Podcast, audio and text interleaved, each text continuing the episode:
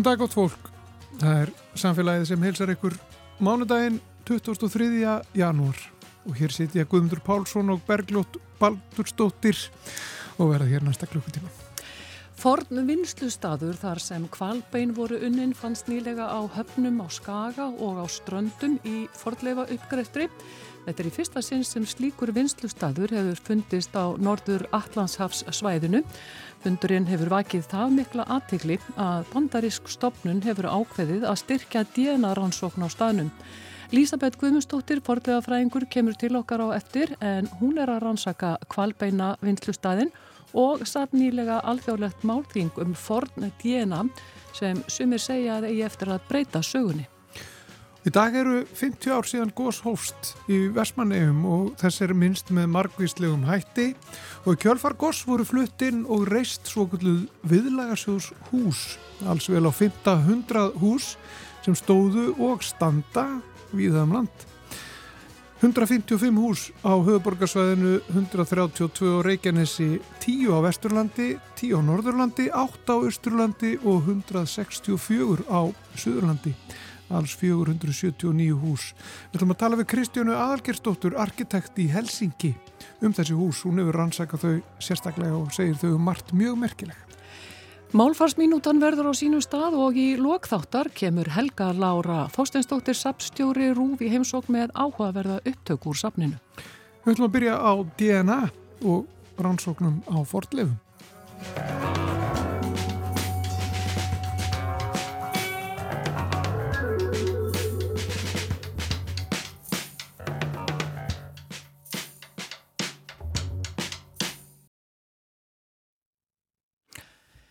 Lísabeth Guðmustóttir Fordlefa fræðingur er komin til okkar og við ætlum að ræða um hérna ímislegt meðal annars forn DNA og falbeina vinslu stöð eða staðinn mm. en byrjum aðeins á fjármálunum. Ég skilst er það ekki að þetta sé tíminn sem að Fordlefa fræðingar er að skila inn umsóknum um, um framhaldsrannsóknir uh, bara núna í januar og eitthvað hefur nú borist til erðna að e, það sé kannski ekkit ómikið af peningum. Hvernig, hvernig er staðan á þessu málum? Er, er, er niðurskurður til forleifaransókna? Uh, nei, aldrei þessu vant að þá fjagst uh, viðbótar fjármögnun í fornunisjóð á þessu ári uh, sem að hluta til er tilkomin til þess að sérst, bjarga minnjum sem eru í hættu vegna, aðalega vegna lofslagsbreytinga. Og þannig að það hefur svona loksins eftir svona kvapp okkar síðastliðin ár, þá hefur loksins fengið svona smá auka fjárvitingu en hún er reyndar bara tímabundin. En þetta, þetta það eru aðalega strandminjar sem eru í hættu, er það ekki? Já, þetta eru bæði, þetta eru aðalega strandminjar en þetta eru líka, eru líka náttúrulega minjar sem eru, sem eru í hættu vegna, vegna sagt, aurflóða og, og skriðufalla og, og sem bara eins og við sáum á segðisfyrði sem dæmi. Og, og meðal þess sem er þarna e, sem að e, tengist þessum strandminjum er þessar rannsóknir sem að e, þú hefur verið í þarna á ströndum og á þessum kvalbeina vinslu stað. Já, þannig að ég hef sérstaklega lagt áherslu á að, að skoða þessar strandminja staði.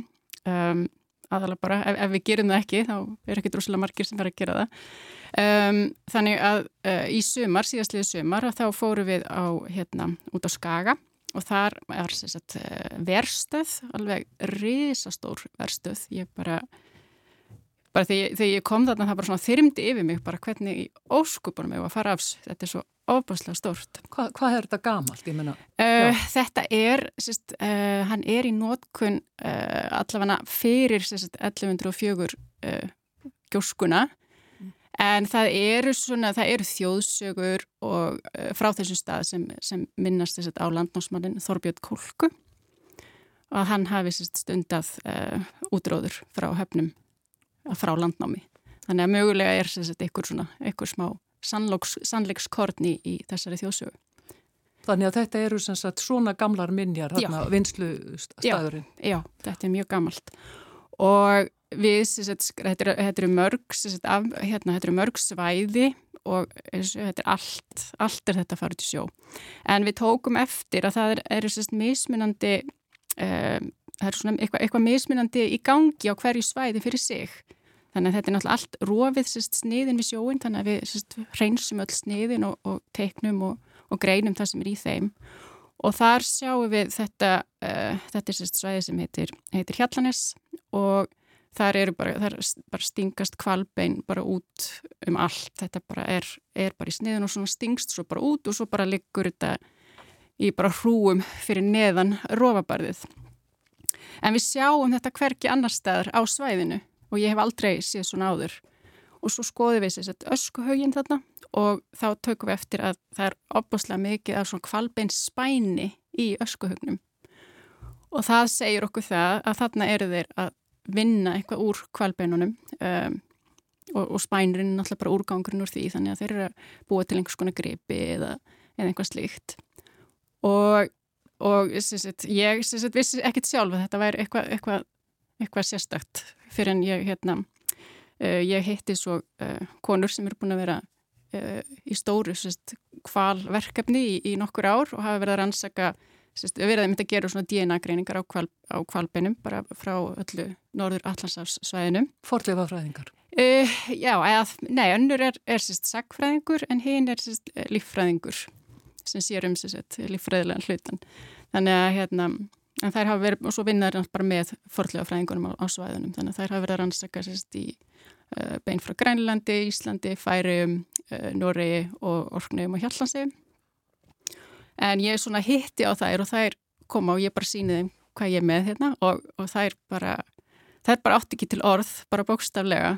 Þær bara, er svona nánast bara svona við hefum aldrei séð annað eins og ég hef nú og það er bara þetta er bara rétt það sem við sko pekkuðum úr, úr sniðunum, þetta er svo ofbúslega mikið og þetta er alveg uh, mjög svona fjöl, þetta er ekkert allt bara úr einum kval eða þetta er ekkert eitt kvalrekið eitthvað nýtt, þetta er svona misjafnastærðir og þetta er alveg ofbúslega mikið. Greinilegur vinslust Já, og við erum með náttúrulega svona half unnagripi og unnagripi og, og svona Eh, já, svona að hluta til unnið. Og svo aðeins bara ráefni sem á eftir að vinna líka þannig að það er allt aðna og, og sérst út frá því að þá hérna að þá eh, eru þær sérst með styrk hérna í, í bandreikunum hérna National Science Foundation. Og þær sem sagt uh, við bara sérst förum bara í gegnum þetta og sögu svæðisins og allt þetta og, og við, hún sérst, byður um bara framhalda á þessum styrk út af þessum stað og svo líka út frá út af þessum staðum á, á ströndum. Um, og það bara við, hún fær bara já, bara eins og skott það bara þurfti litla sannfæringu, lítið að sannfæra þetta fólk Hva, Hvers vegna? Er það því að hefur þetta ekki fundist áður? Nei, þetta er bara þetta er bara alveg einstakt og hérna Já, sérstaklega svona þessi grunnvinnslu staður. Þú veist, það er náttúrulega gripi, kvalbins gripir hafa náttúrulega verið rannsakaðar mjög víða en aldrei í rauninni framlegslu staðurinn sjálfur. Og, og það sem er kannski svolítið magna þarna er að þarna er þarna ákveðin sérhæfing sem við höfum aldrei kannski hugsað út í út frá þessum efni viði. Og, og það er þá ekki verið að flytja heldur sérst óunnið ráefni til bænda sem er svo unnið á bænum heldur er, er þetta að gerast þarna. Þannig að þetta er svona, um, þetta er svona ákveðin svona sérhæfing innan verðstöðva sem bara við höfum aldrei, aldrei séð áður eða rannsakað áður. Og þessar tvær, eh, koma þær þá til með að koma hingað og rannsaka þetta, en þú, sagður að þær væri að rannsaka DNA eða? Já, það, það? ég syns að, já, við munum syns að taka þá síni úr hverju beini fyrir sig, þetta er alveg yfir yfir 60 bein sem við munum taka svona í þessu holli. Og þá bara borum við sérst í beinið og tökum, það þarf bara nokkur grömm, þetta er ekkert eitthvað svona stykki sem að þarf lengur. Og svo fer þetta sérst í DNA greiningu og þá fáum við að vita úr hvaða, úr hvaða kval tegund beinin eru. Og aldurinn á, eða hvernig er þetta gerðist eitthvað? Uh, já, við tökum svo, já, svo tökum við sérst, uh, gerum við kólefnisaldurskreiningar líka. En já, sko, og þetta eru DNA og, og, og það er þetta nýja, er það ekki? Þetta er hálfgeir bilding, heyrði ég sagt, þegar það var ég googlaða og það, var, það kom hérna revolutions. Já, þetta, þetta er svona, já, þetta er svona kannski ekki alveg þetta en svo fengum við þessi auka, við svona ákveðum að vera svolítið viltar þegar vorum að byggja um þessi auka fjárvitingu og bara og við settum í rauninni bara inn bara allt það sem okkur langaði að gera og þá bættum við mitt inn svona uh, jarð, uh, jarðvegsstíðina og það er það sem er mitt svo ótrúlega magnað.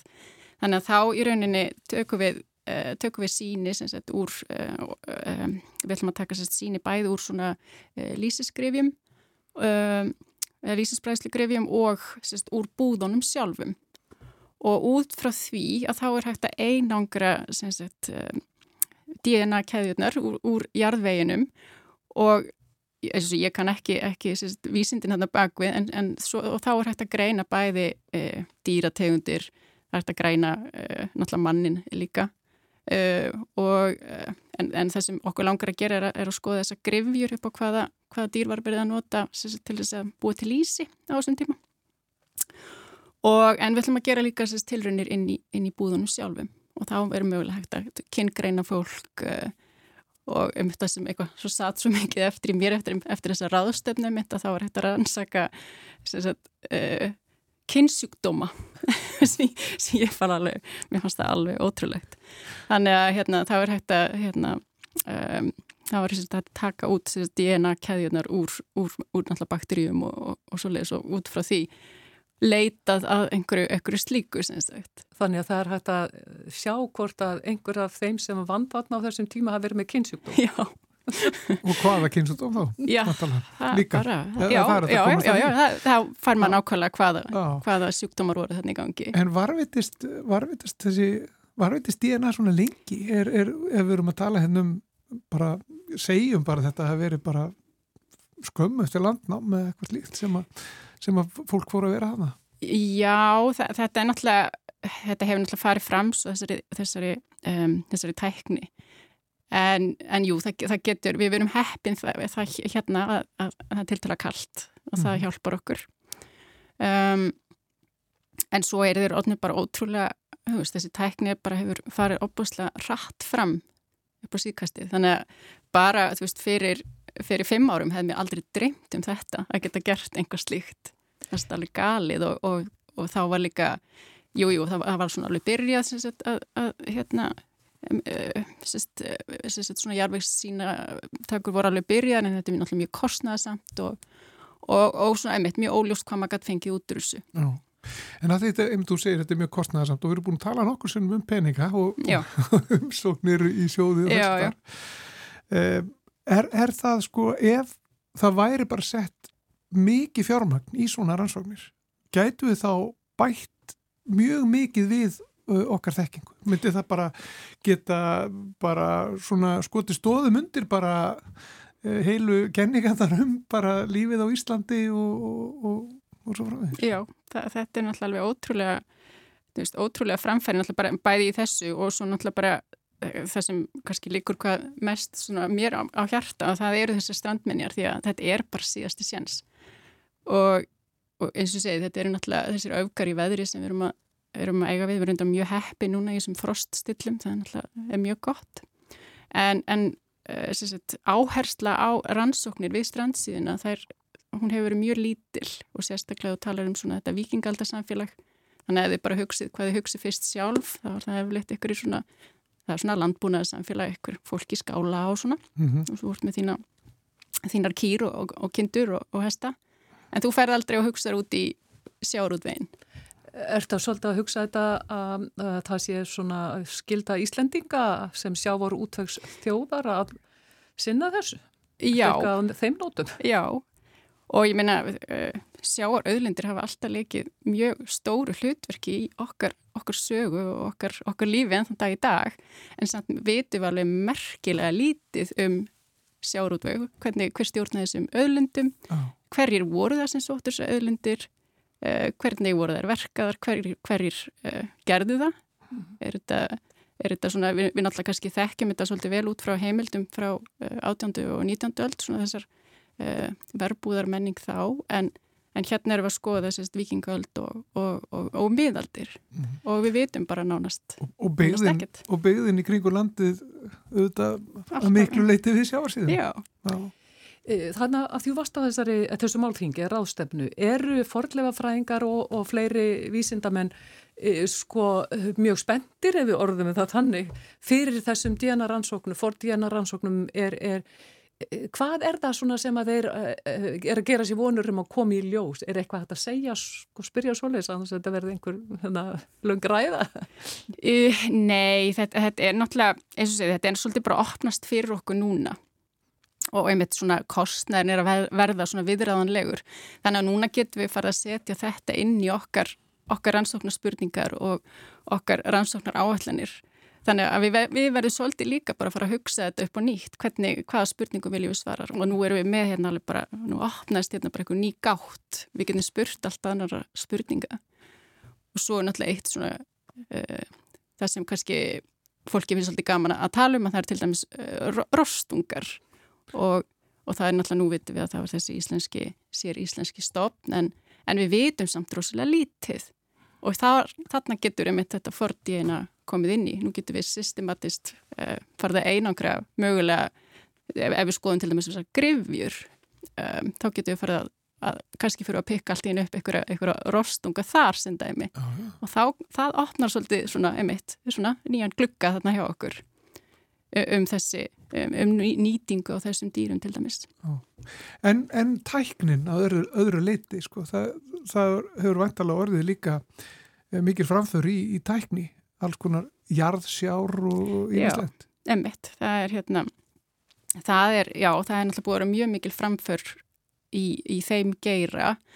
Uh, nú vorum við til dæmis búin að vera með hérna, uh, sérst, hópur frá Noregi, uh, frá Níku sem er búin að vera hérna núna, í, var hérna síðastliðið sömar og svo voru, eru náttúrulega búin að vera hérna í Skagaferði, þeir eru búin að vera mjög, sérst, amirist rannsóknartemi þar sem hafa verið að gera mjög góða hluti.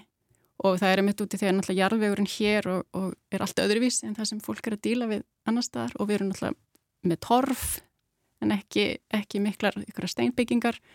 Og, og, og, hérna, og þessi eldfjalla jarðvegur þannig að þeir hafa svona þurft að læra svona sína um, sína hérna hvernig þeir nota þessi tekni alveg upp á nýtt líka og aðlaga það að, að aðstæðan hér. En það hefur gengið vel núna og þetta er svona þetta er líka eitthvað sem er að um, sem er alveg svona þýtur fram og við hefum eitt vonust til þess að, að, að, hérna, að við getum nýtt þessa tækni líka á þessum strandminjastöðum því að við, við getum ekki grafið þetta allt.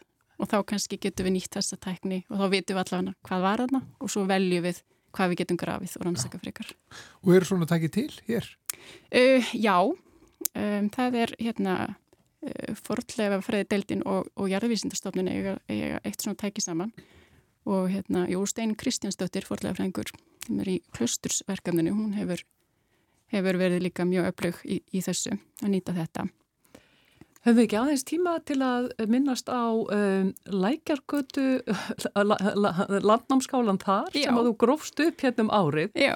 og er vantarlega núna undir hóteli bara svona stuttlega er ekki, stefnir ekki í að uh, hann verði hafðið til sínis eða, eða hvernig fór þetta?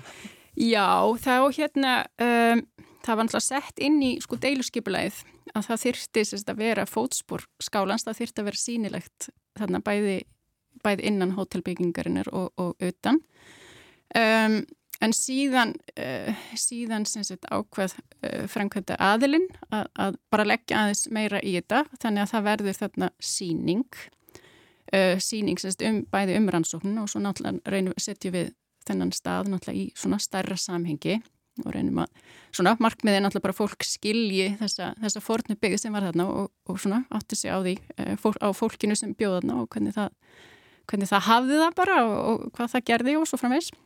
Vistu hvernig eh, þessi síning verður opnið? Uh, það hún verður nú opnið bara á þessu ári. Við erum bara erum að vinna í henni sem stendur þannig að hérna, uh, það verður alveg ótrúlega gaman. Ég, hérna, það verður gaman eða hérna, mertum sagt, alla steinana í byggingunni og þeir voru teknir og, og hérna, settir í fiskikör þeir hafa verið geimtir í svolítinn tíma núna hérna síðan 2015 þannig að, þannig að ég er svolítið spennt að fá að fá, hérna, komast í þessa stein aftur og svo bara raða þeim aftur þarna á sama stað ég er ekki, ef maður er ekki vanur því maður tekur alltaf minjandir sundur en þannig fæ ég að setja þær aftur niður Lísabeth Guðmundsdóttir, forðlega fræðingur, kærar þakki fyrir að koma til okkar hérna í samfélagið og fræða okkur um þetta. Takk sem leys.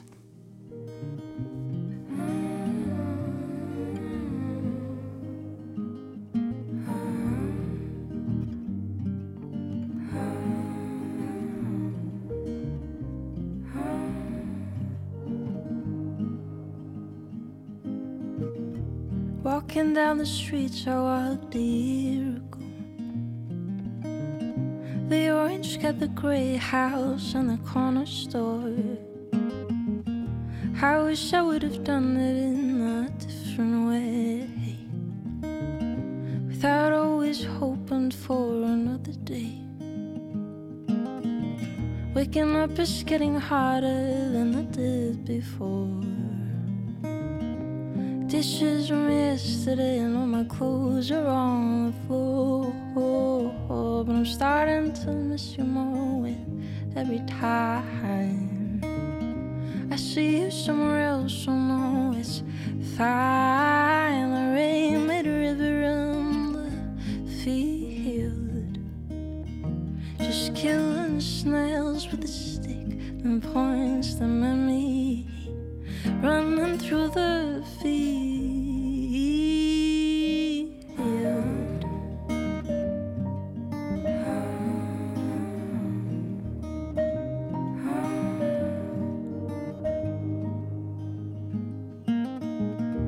Driving by this small town with a stranger's name.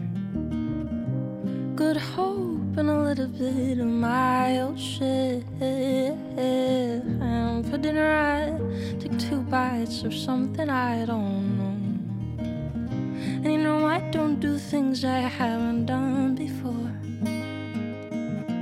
The cat was sleeping on the wipe machine. I only have a backpack, so I'm missing my things. Noodles in a cup and your laughter fade perfectly together when we're stuck like this. The rain made in the field, just killing the snails with a stick, then points them at me, running through the field.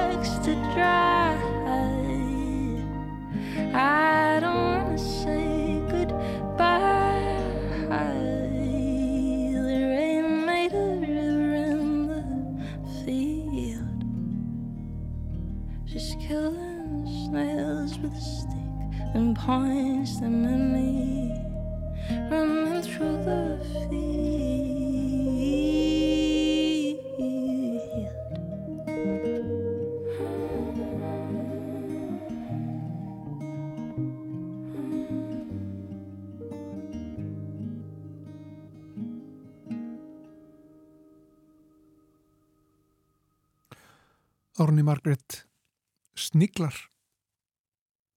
Í dag er þess minnst að það eru 50 ár síðan uh, gósið í heimæ hófst og þess er minnst með margvíslegum hætti í dag. Okkur langaði að uh, tala aðeins um uh, viðlaðarsjóshúsin sem að margt fólk frá, frá Vestmanniðum flutti í eftir gós og þetta er aldrei áhugaverð og merkileg saga þessara húsa. Þau voru nokkur hundruð þessi hús og, og hafa reynst bara bísna vel og komu náttúrulega þarna til á mjög erfiðum tímum. En við erum komin í samband hér við Kristjánu Aðalgersdóttur, hún er arkitekt og doktorsnemi við Aldo Háskólan í Helsingi og kennari þar reyndar líka. Eh, hún er líka alþjóðlegur sendifulltrúi Rauðakrossins og er þar sérfæraðingur í húsnæðislausnum. Um, Kóttu sælblessið, Kristjana? Kóttu sæl. Uh, okkur langaði að, að tala við þig um þetta vegna þess að þú hefur rannsakað þessi hús alveg sérstaklega ekki satt.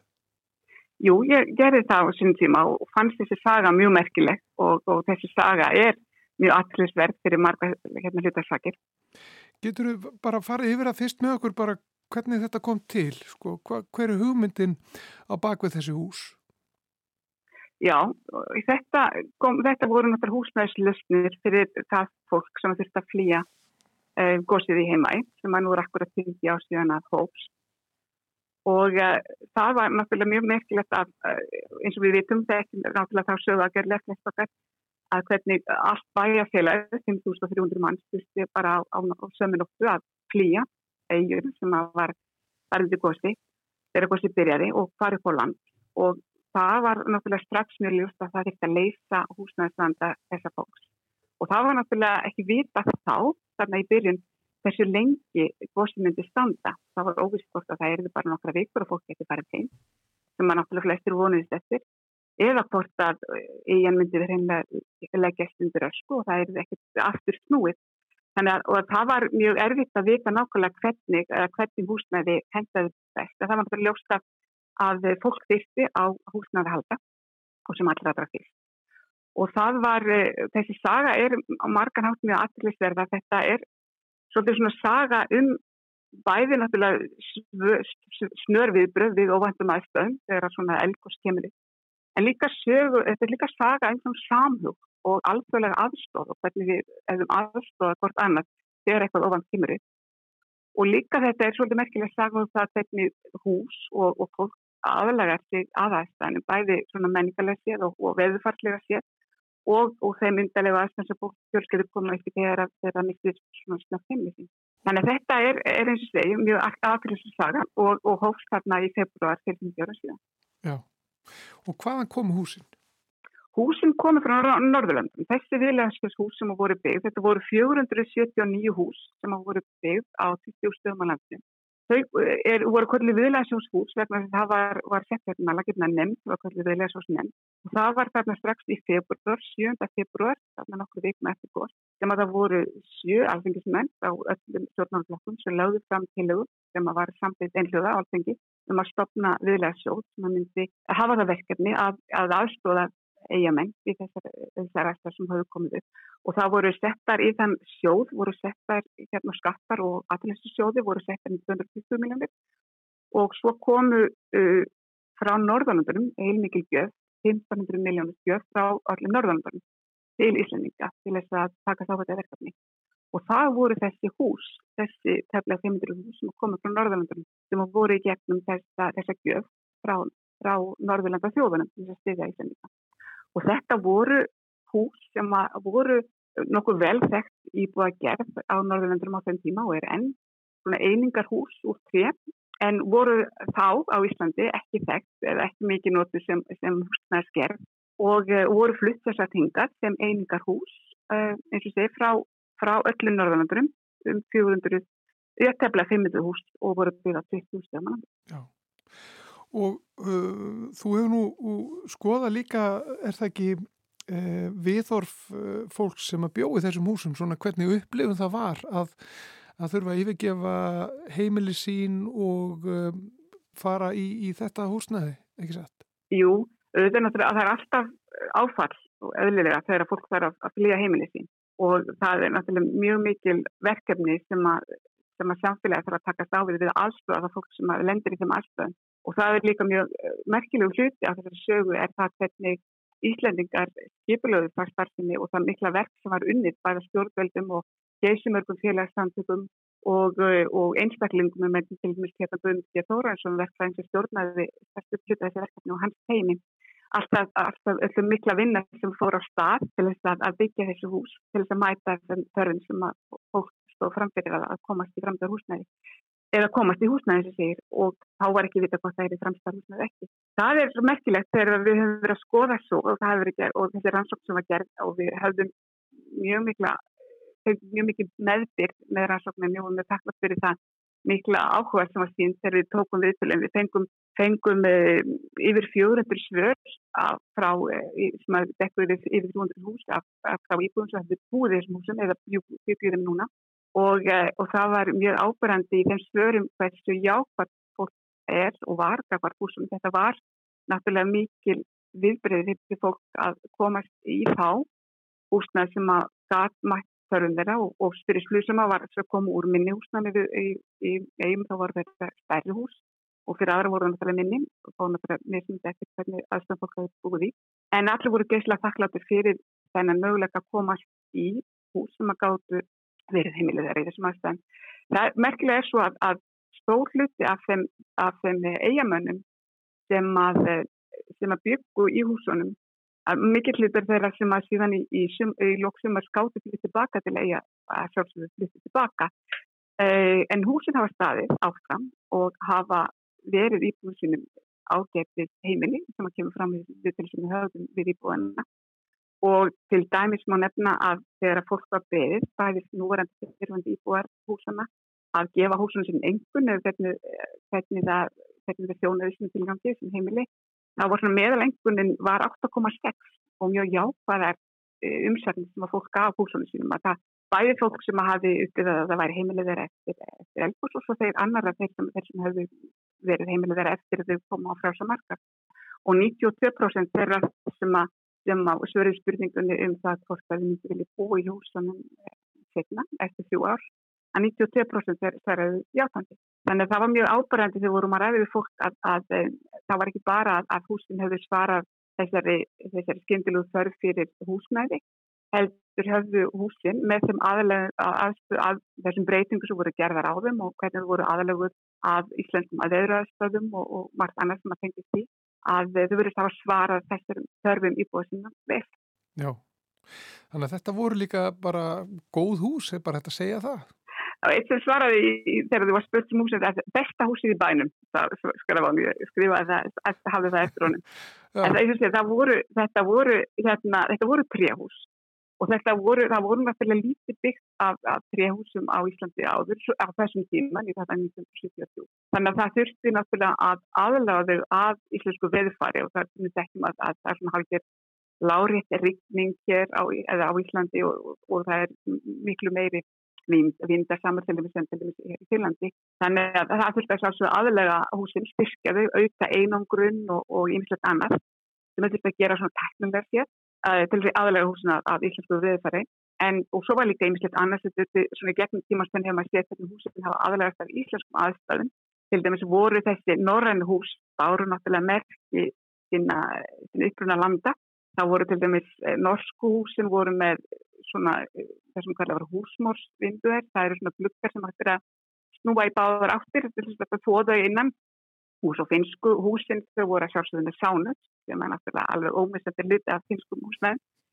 Það voru sána öllum finsku húsunum og líka svona þurrskápur yfir, yfir, hérna, yfir vaskinum í eldhúsinu sem er í öllum íbúðhúsum í Finlandi að, að þurrka leirþegir yfir vaskinum sem skápur. Þannig að það og svona fleiri svona enginni húsana sem voru svona norræn og það er svona mismunandi náttúrulega eftir, eftir svona hvernig, hvernig þessi norræni enginn hafa, hafa haldið þessu áfram. Ég held að engin af þessi ég talaði því með sánu í húsunum og einhver stuð hefði nú aldrei séð svona áður, svona einhvern skáp sem engin vissi þetta átt að gera við? En flestir hafa náttúrulega bara bætt þeim við baðherrbeikið eða, eða nota kæli hérna, kæliskápin sem var líka hluta af þessum mörgum sem hluta af eldhúsinu og svo framvist þannig að þau hafa líka aðlagast þessu hús að, að þörfum íbúa sem er gegnum tíðina. Og það var líka eitt af því sem margir nefndi það var það að þessi tréhús að það var svo auðvelt að breyta þeim það var svo auðvelt að aðlega, það var auðvelt að taka niður veggi eða bæta við eða, eða snúa við og, og það voru svona margar sögur af fólki með velsögur að lofta að breyta og breyta og bæta og aðlega húsunum að sínum og með þeirri kynslu sem kemur. Og það er til dæmis eh, Facebook hópur eh, núna með íbúum í Keilufell húsunum til þessi breythaldi þar sem fólk er að deila, deila svona sögum á því hvernig húsunum hefur verið breytt. Og þó að öll húsin séu eins að þá að hafa allir svona svolítið breyttum að, breyttum að sínum, sínum þörfum og það er líka svolítið merkileg þessi hluti af þessari sögu, þessara húsa hvernig þessi norðrænir einingahús hafa aðalegast bæði eða voru aðaleguð af íslenskum aðstæðan og svo hafa aðalegast þörfum íbúið sem gerðum. Á þetta, þessi aðgerð að, reysa þessi hús um, í framaldi af þessum náttúrhanfurum. Á þetta sér einhverja listaðu annar staðar? Já, þetta er náttúrulega, það eru því miður, yfir allstæri heiminum eru bæði náttúrhanfarir og, og stríð gangandi og verða áfram eins og við vitum að það eru hérna, og með, með loftfjörnsbreytingum er talað að það verði vaksandi fjöldi fólks sem mann þurfa að flýja heimili sín og til þess nýjastu rannsóknir telja að árið 2050 þá verði alltaf 500 miljónum mann að flýja heimili sín af einhverjum ástæðum og búa í í annarkur tím, tímabundi húsnæði eða, eða til langframa e, tímabundi og það talaði heiminum í dag að, að, að, að svona þvert yfir þá sé meðal árafjöldin e, af fyrir það fólk sem þarf að búa í, tímabundi húsnæði sé 17 ár. Og það vitum það að það er stór hluti fólks í heiminum sem að þarf að flýja heiminu sín annarkort að náttúrhansarum eða að vegna stríða. Og þarf að búa í húsnæði sem að oft hefur verið hugsað sem tímambundið húsnæði en verður oft til langframa. Og það er kannski það líka með, með viðlæðsósun íslensku að, að, að löst sem var sem, sem, sem skamtima ekki, var sérstaklega löst við skamtima húsnæðisvanda, hún hefur verið, verið orðið til langframa og það er eitthvað sem er verið að skoða mikið í heiminn, hvernig er að stýta þennan tíma þessi 17 ára meðaltali og uh, bæði fólki eftir náttúruhanfarir og, og eftir stríð. Og við eigum, þannig að það er, það er svona almenn miklar, miklar rannsóknir í gangi það hvernig er þetta að leysa húsnæðstanda fólks um, eftir hanfarir.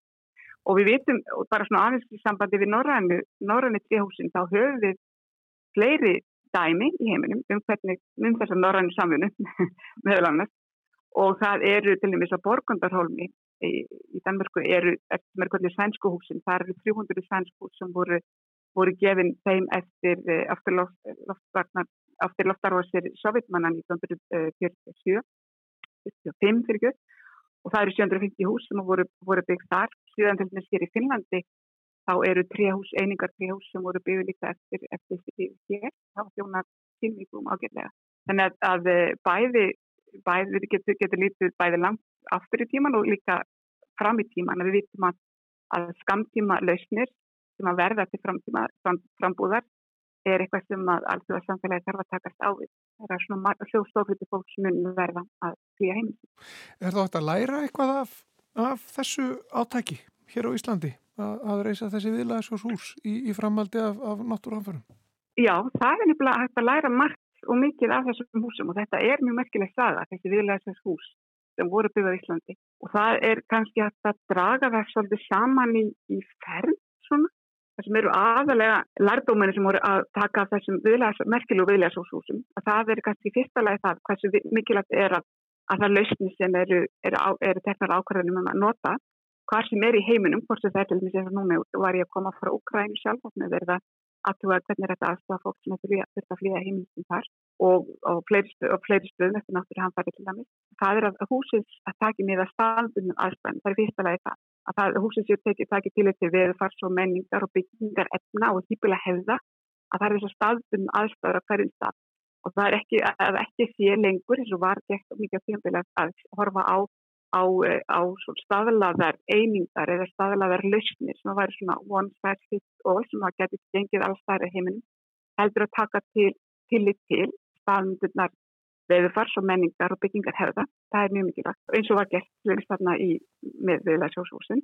Og annað sem er mjög mikilvægt og hefur synt sig og, og viðlæðsjóshúsin geta líka verið gott með um það er svo mikilvægt að húsin að íbúarnir sjálfur geti aðlega að síðan aðstæðan, að ekki bara húsin séu aðlega að menning og veðufæri heldur en íbúarnir sjálfur geti, geti breytt þeim, þeim, þeim lausnum sem eru, eru byggðarið að íbúarnir sjálfur geti, geti aðlega að sínum sínum þörfum, sínum, sínum fjölskyldum, sínum, sínum eh, eldhús þörfum og svo framist. Og þriðalagi þá er það eh, annað sem hægt að læra, þriðalagi að læra þessu er hversu mikilvægt það er og að heimamenn séu með í ráðum og stjórna aðgerðunum. Og það er eitthvað sem við getum séð til dæmis á mörgum stöðum í, löndum þar sem að hafa komið alþjóðlega stofnarnir eða fyrirtæki og stjórna aðgerðum og bygg lausnir sem ekki eru aðlegaðar fórkja að, að um, þörfum heimamanna eða annað, að þær lausnir hafa oft endað að verða reynilega tóma. fólk flýtur úr þessum löstum vegna þess að það er upplifa ekki þær þarfistum eru, eru til staðar, það er svona heimamann síðan með því ráðum annars, annars eru, já, og annars sem hefur, hefur komið upp þar sem ekki er aðlæður húsnum til þess að hús, húsnæðin eða hverjum verður að geta að verða svona annars flokks húsnæði sem að til dæmis dæmum það að viðlæðsókshúsin urði það ekki, að þetta eru mjög vinstar hús og, og hérna vinstal á fastannamarkaði og það er til dæmis hús sem að, að hafa aldrei komið í sjölu en fólk hefur ákveðu og vil búa þær og, og það er mjög aðkvæmst að sjá það á fastanna hérna, fastegnamarkanum hvernig þessi hús koma í endursel og eru á markanat mjög vinsar, vinsar íbúður. Og síðasta lægi sem maður hættar að læða, að vera að læða af viðlæðsókshúsunum í fjörðarlægi það hversu mikilvægt það er að huga af framtíðarleysinu. Að það að, að þegar að verða náttúruhanfarir eða annars konar hanfarir og fólk þarf að flytja heimilið sín að þá er það, hefur mér lagt á sjögunni, þá er það í svo mörgum við flestum tilfellum, þá verða þær lausnir sem eru hugsaðar sem skæmdum lausnir, þær verða af langtum að lausnir og þess vegna er svo mikilvægt að þær lausnir sem eru, eru byggðar, hefur ákvarðanir um, að þær séu að, þeim gæðum og að, þeim hugsunum gerðar að þær get þjóna výbúnistin til, til langtum. Eins og viðlega svo svo sem hafa gert og hafa staðist tímann stönn. Já. Kristjana, þetta er allt saman mjög áhugavert. Eh, Mér langar í lokin aðeins að spyrja þig út í það sem þú hefur verið að gera í Úkrænu. Er þetta, já, er þetta risastórt viðfangsefni eh, sem að blasi við þar? Já, það er það. Við vitum að, að það eru um 7 miljónum manna í Úkrænu sem að hafa stört að flýja heimilisinn sem að eru innan Úkrænu, innan landamarna í Úkrænu og svo fyrir utan náttúrulega það er rúmlega 7 miljónir sem hafa þurft að flýja land og eru á margur stöðum í Evrópi, meðal annars og Íslandi. Og grænumenn hafa þurft að flýja yfir landamarinn en það er talað um að það séu um það byrj 7 miljónir manna sem eru núna á flóta innan Úkrænu og þá er það bæði að þarf að huga að, að, að svona, það sem að kalla skamtímanlistni sem að verða lengri sem er vetin að koma í garð og verður örglega yfir veturinn. Uh, listni fyrir fólk sem að vonandi getur fyrst tilbaka en svo vitum að það verður náttúrulega margar miljónum manna sem ekki muni geta flyttið á húsnaði sem það bjóði áður. Það er gjörsalega eðilegt þannig að það, það verkefni að byggja, byggja heimili fyrir 7 miljónum manna er gríðalegt stort og mikilvægt sem allt alþjóða samfélagi þarf að taka kraft í. Já, skulum fara að ljúka þessu. Kristjana Adalgersdóttir eh, dóttorsnemi við Alto Háskólan í Helsingi, eh, arkitekt kennari þar og er líka alþjóðlegur sendifulltrú Rauðakrossins sem sérfræðingur í, í húsnæðislausnum og hefur rannsakað viðlaðsjóshúsin sem að voru reist hér í kjölfar náttúrhanfarna í, í Vestmannegjum sem við erum einmitt að minnast í dag 50 ár frá gósinu þar. En Kristjana, takk að kella fyrir að vera á línni og, og takk fyrir spjallið. Takk að þér.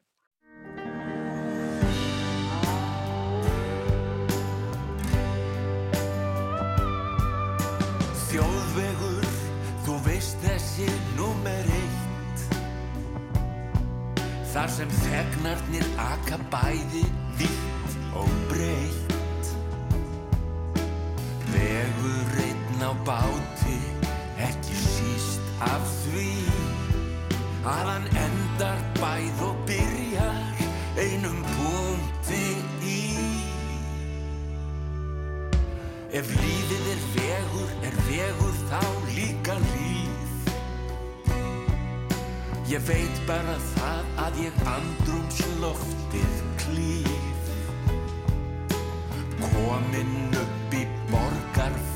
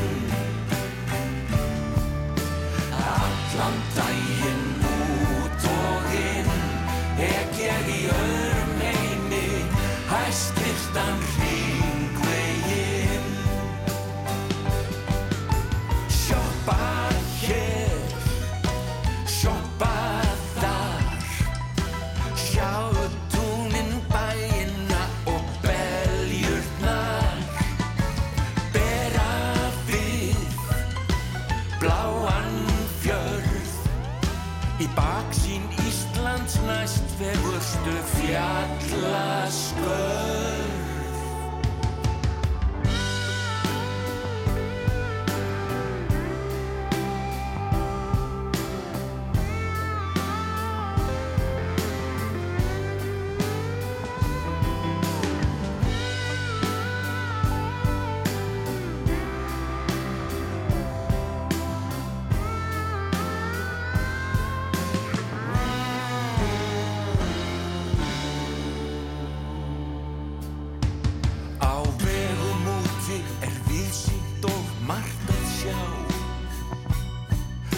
Ég mæti Volvo með Scania Vabis aftan á Á bjargi grettir forðum grét í röggunni Ég gef í og tek fram úr blönd og slöggunni Í æðra veldi eiga fjörður er. Og endalust fegur mývatns blasir við mér. Dyrfjöll standa opinn, bjóða gestum inn. Á gagneiði er ennþá gamli sendirinn Allan daginn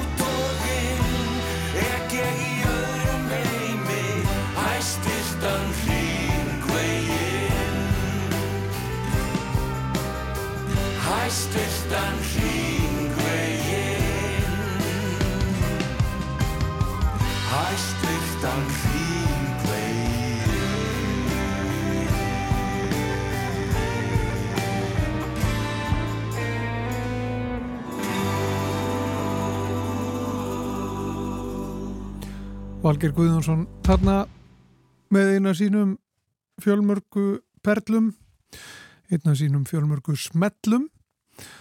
Hann á Hamal í dag Valger Guðjónsson. Þetta rætti þjóðvegur nummer eitt. Við sendum honum bestu kveður að sjálfsögð í tilumni dagsins. Við höfum eftir að fá hingað heimsókn úr Sapni Rúf, hún Helga Lára Þorsteinsdóttir sest hjá okkur eftir smá stund en fyrst ætlum við að heyra málfarsmínútu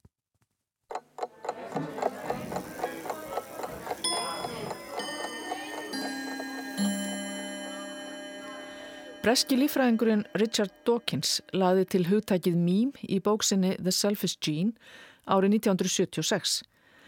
Dawkins sagði að það þyrti að vera til heiti yfir það þegar hugmynd, hegðun eða tíska dreifist nánast af sjálfstáðum frá einu til annars innan menningar.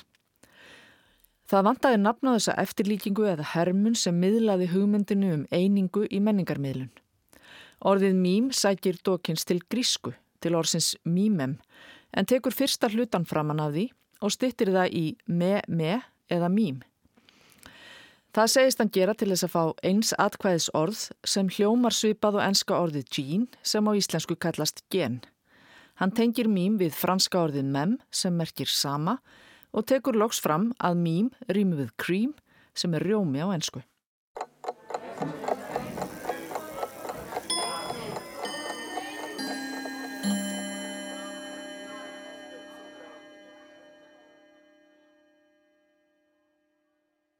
Og þá er hún sest hjá okkur Helga Lára Þorsteinsdóttir, sapstjóri Rúf með uh, eitthvað gott og skemmtilegt, er það ekki, í, í farteskinu úr sapninu?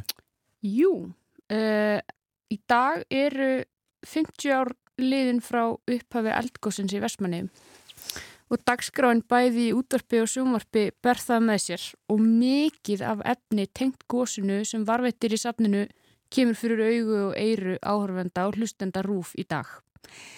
En ég ætla að fjalla um allt annað. Í dag, í þessu einslægi, ætlum við að hlusta á erindi sem flutt var í morgunútarpi ríkisútarsins þann 4. oktober ára 1952. Og það er margt merkilegt við þessu upptöku. Bæði hljómplatan sem erindið er varveitt á konan sem flytur erindið og líka viðfónsefni sem fjallaður um. Og það verður bara hægt að lang, halda sko löng erindi um þetta allt saman. En hér er á ferðinu upptaka með Bjarnveigu Bjarnadóttur og Bjarnveig var eina af þessum merkilegu konum sem við heyrum kannski ekki oft talað um. Hún var einstamóðir og óvenju mikill listunnandi sem sapnaði verkum eftir þekktustu myndlistamann þjóðurinnar. Og hún var frænka Áskrims Jónssonar málara og starfaði lengi sem fórstuðumar Áskrimssaps þar sem hún til dæmis skráði verkinans og fjármagnaði sko viðgerðir á þessum verkum með útgáfu listaverkakorta sem að hefur bara verið algjört afreg á sínum tíma. Og það fór svo að Bjarnveig gaf árnesingum engasapsitt sem taldi um 70 verk eftir helstu lista með þjóðurinnar. Og þannig var lagður grunnur að stopnum listasaps árnesinga sem er fyrsta listasapnið utan höfuborgarsvæðisins sem var opið almenningi. Og sapni sem er í hverakerði fagnar einmitt 60 ára afmali í ár og ég held að þau ætli að setja upp síningu uh, með meðal annars þeim verkum sem að Bjarnveig farið í sapninu og þetta er allt saman mjög flott og svolítið merkilegt. En erindið sem við ætlum að hlusta á og Bjarnveig flytur fjallar þó alls ekkert um myndlist sko, heldur dregur hún upp mynd af fögrum morgni í vesturbæ Reykjavíkur og það er ekkert sérstaklega mikil ró yfir lífinu þótt að veðri sér gott. Því í byrjun lesturs þá týnist barn í barnavagni með tilherandi hugarangri og stressi og svo finnst barni að lokum og bjarnveg leiður okkur þá beint á öskuhugana sem voru staðsettir við sjávarsíðuna vestur í bæ. Og þar var fólk sem gerði sér að góðu það sem öskubílarnir komið með. Og þetta er fyrir tíma skipurlaðrar endurvinnslu svo að hver tók það sem hann náði sér í. Og svömu var öruglega hægt að koma í verð réttir svo í dag, þannig að þetta er svolítið svona ferðarlega um Vesturbæin hérna líklega síðsumast 1952 um, Já og svo að lokum þá hlíti ég að nefna það að hljómplatan sem þetta stutta einslag er tekið af er ekki venjuleg vínilplata heldur lakplata á pappa. Þannig að sko innvolsið í plötunni eru pappir sem hefur verið húðaður með lakki þannig að maður sér ekki mjög mikið mun á þessari plötu og venjulegri plötu en pappisplatan er bara miklu léttari og auðvitað rosalega viðkvæm. En samt sem aður þá eru hljóðgæðin mjög príðileg á þessari upptöku. Já. Og já. Eru, eru mörg, margar svona plötur til í, í já, safni? Já, það eru, eru svolítið, það er svona smá slatti, má ég segja það. Ég er ekki alveg búin að telja þessar plötur við eigum eftir að yfirfæra þar flestar á stafrænt form.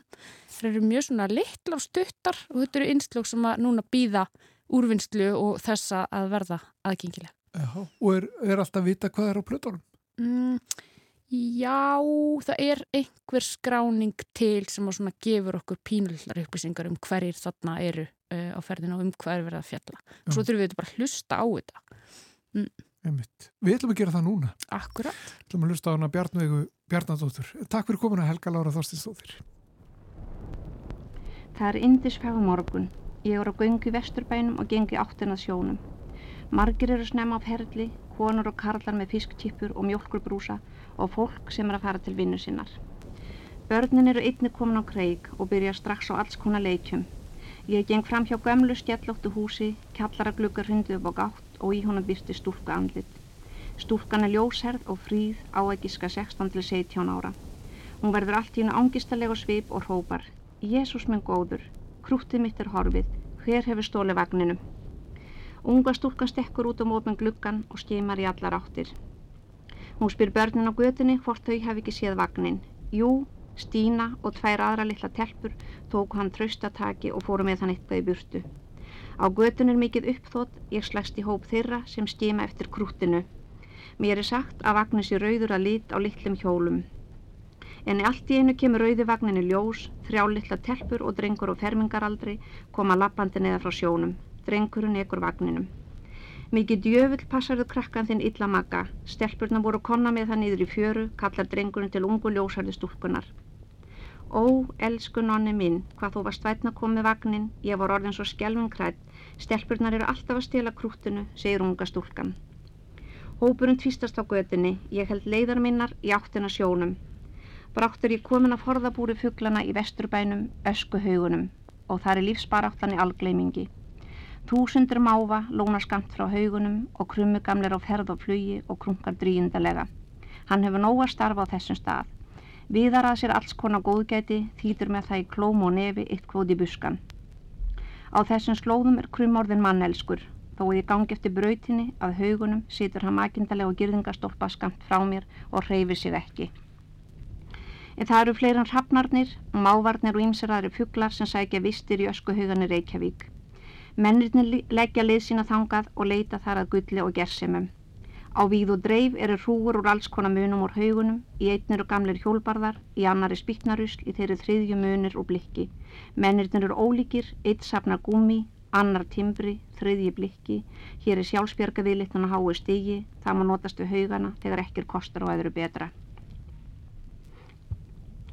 Ekst aldrei við á eskuhaugunum.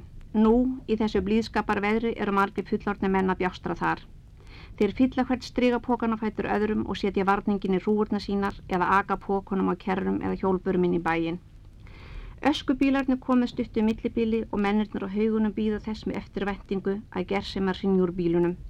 Jú, þarna dettur hankalauðs leirkanna, það er mikil mildi að hún stildi ekki brotna og stólgarmur fylgir með, þetta eru verðmætti sem eða ekki fara á forgörðum, þau eru látan á hjólburur og flutt aftur inn í bæin. Eksni við og geng heim á leið. Eftir skamma stund nefnur staða við hlýðin á mér, stærðar vörubíl.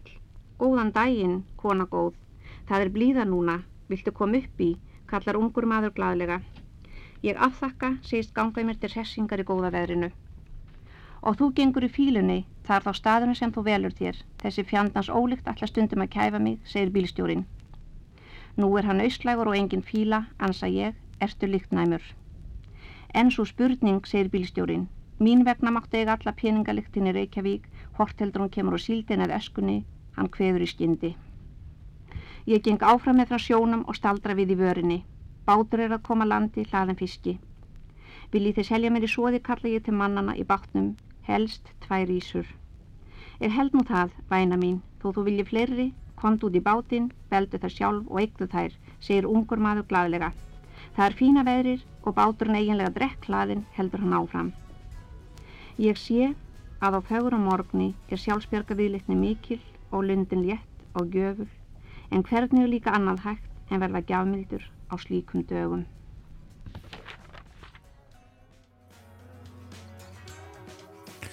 Þetta var Bjarnveig Bjarnadóttir upptaka úr Sapni Rúf frá 4. oktober árið 1952 En lengra komumstu ekki í samfélaginu þennan daginn. Guðmundur Pálsson og Bergljótt Baldurstóttir þakka kærlega fyrir sig við verðum hér aftur á morgun. Heyrumst á.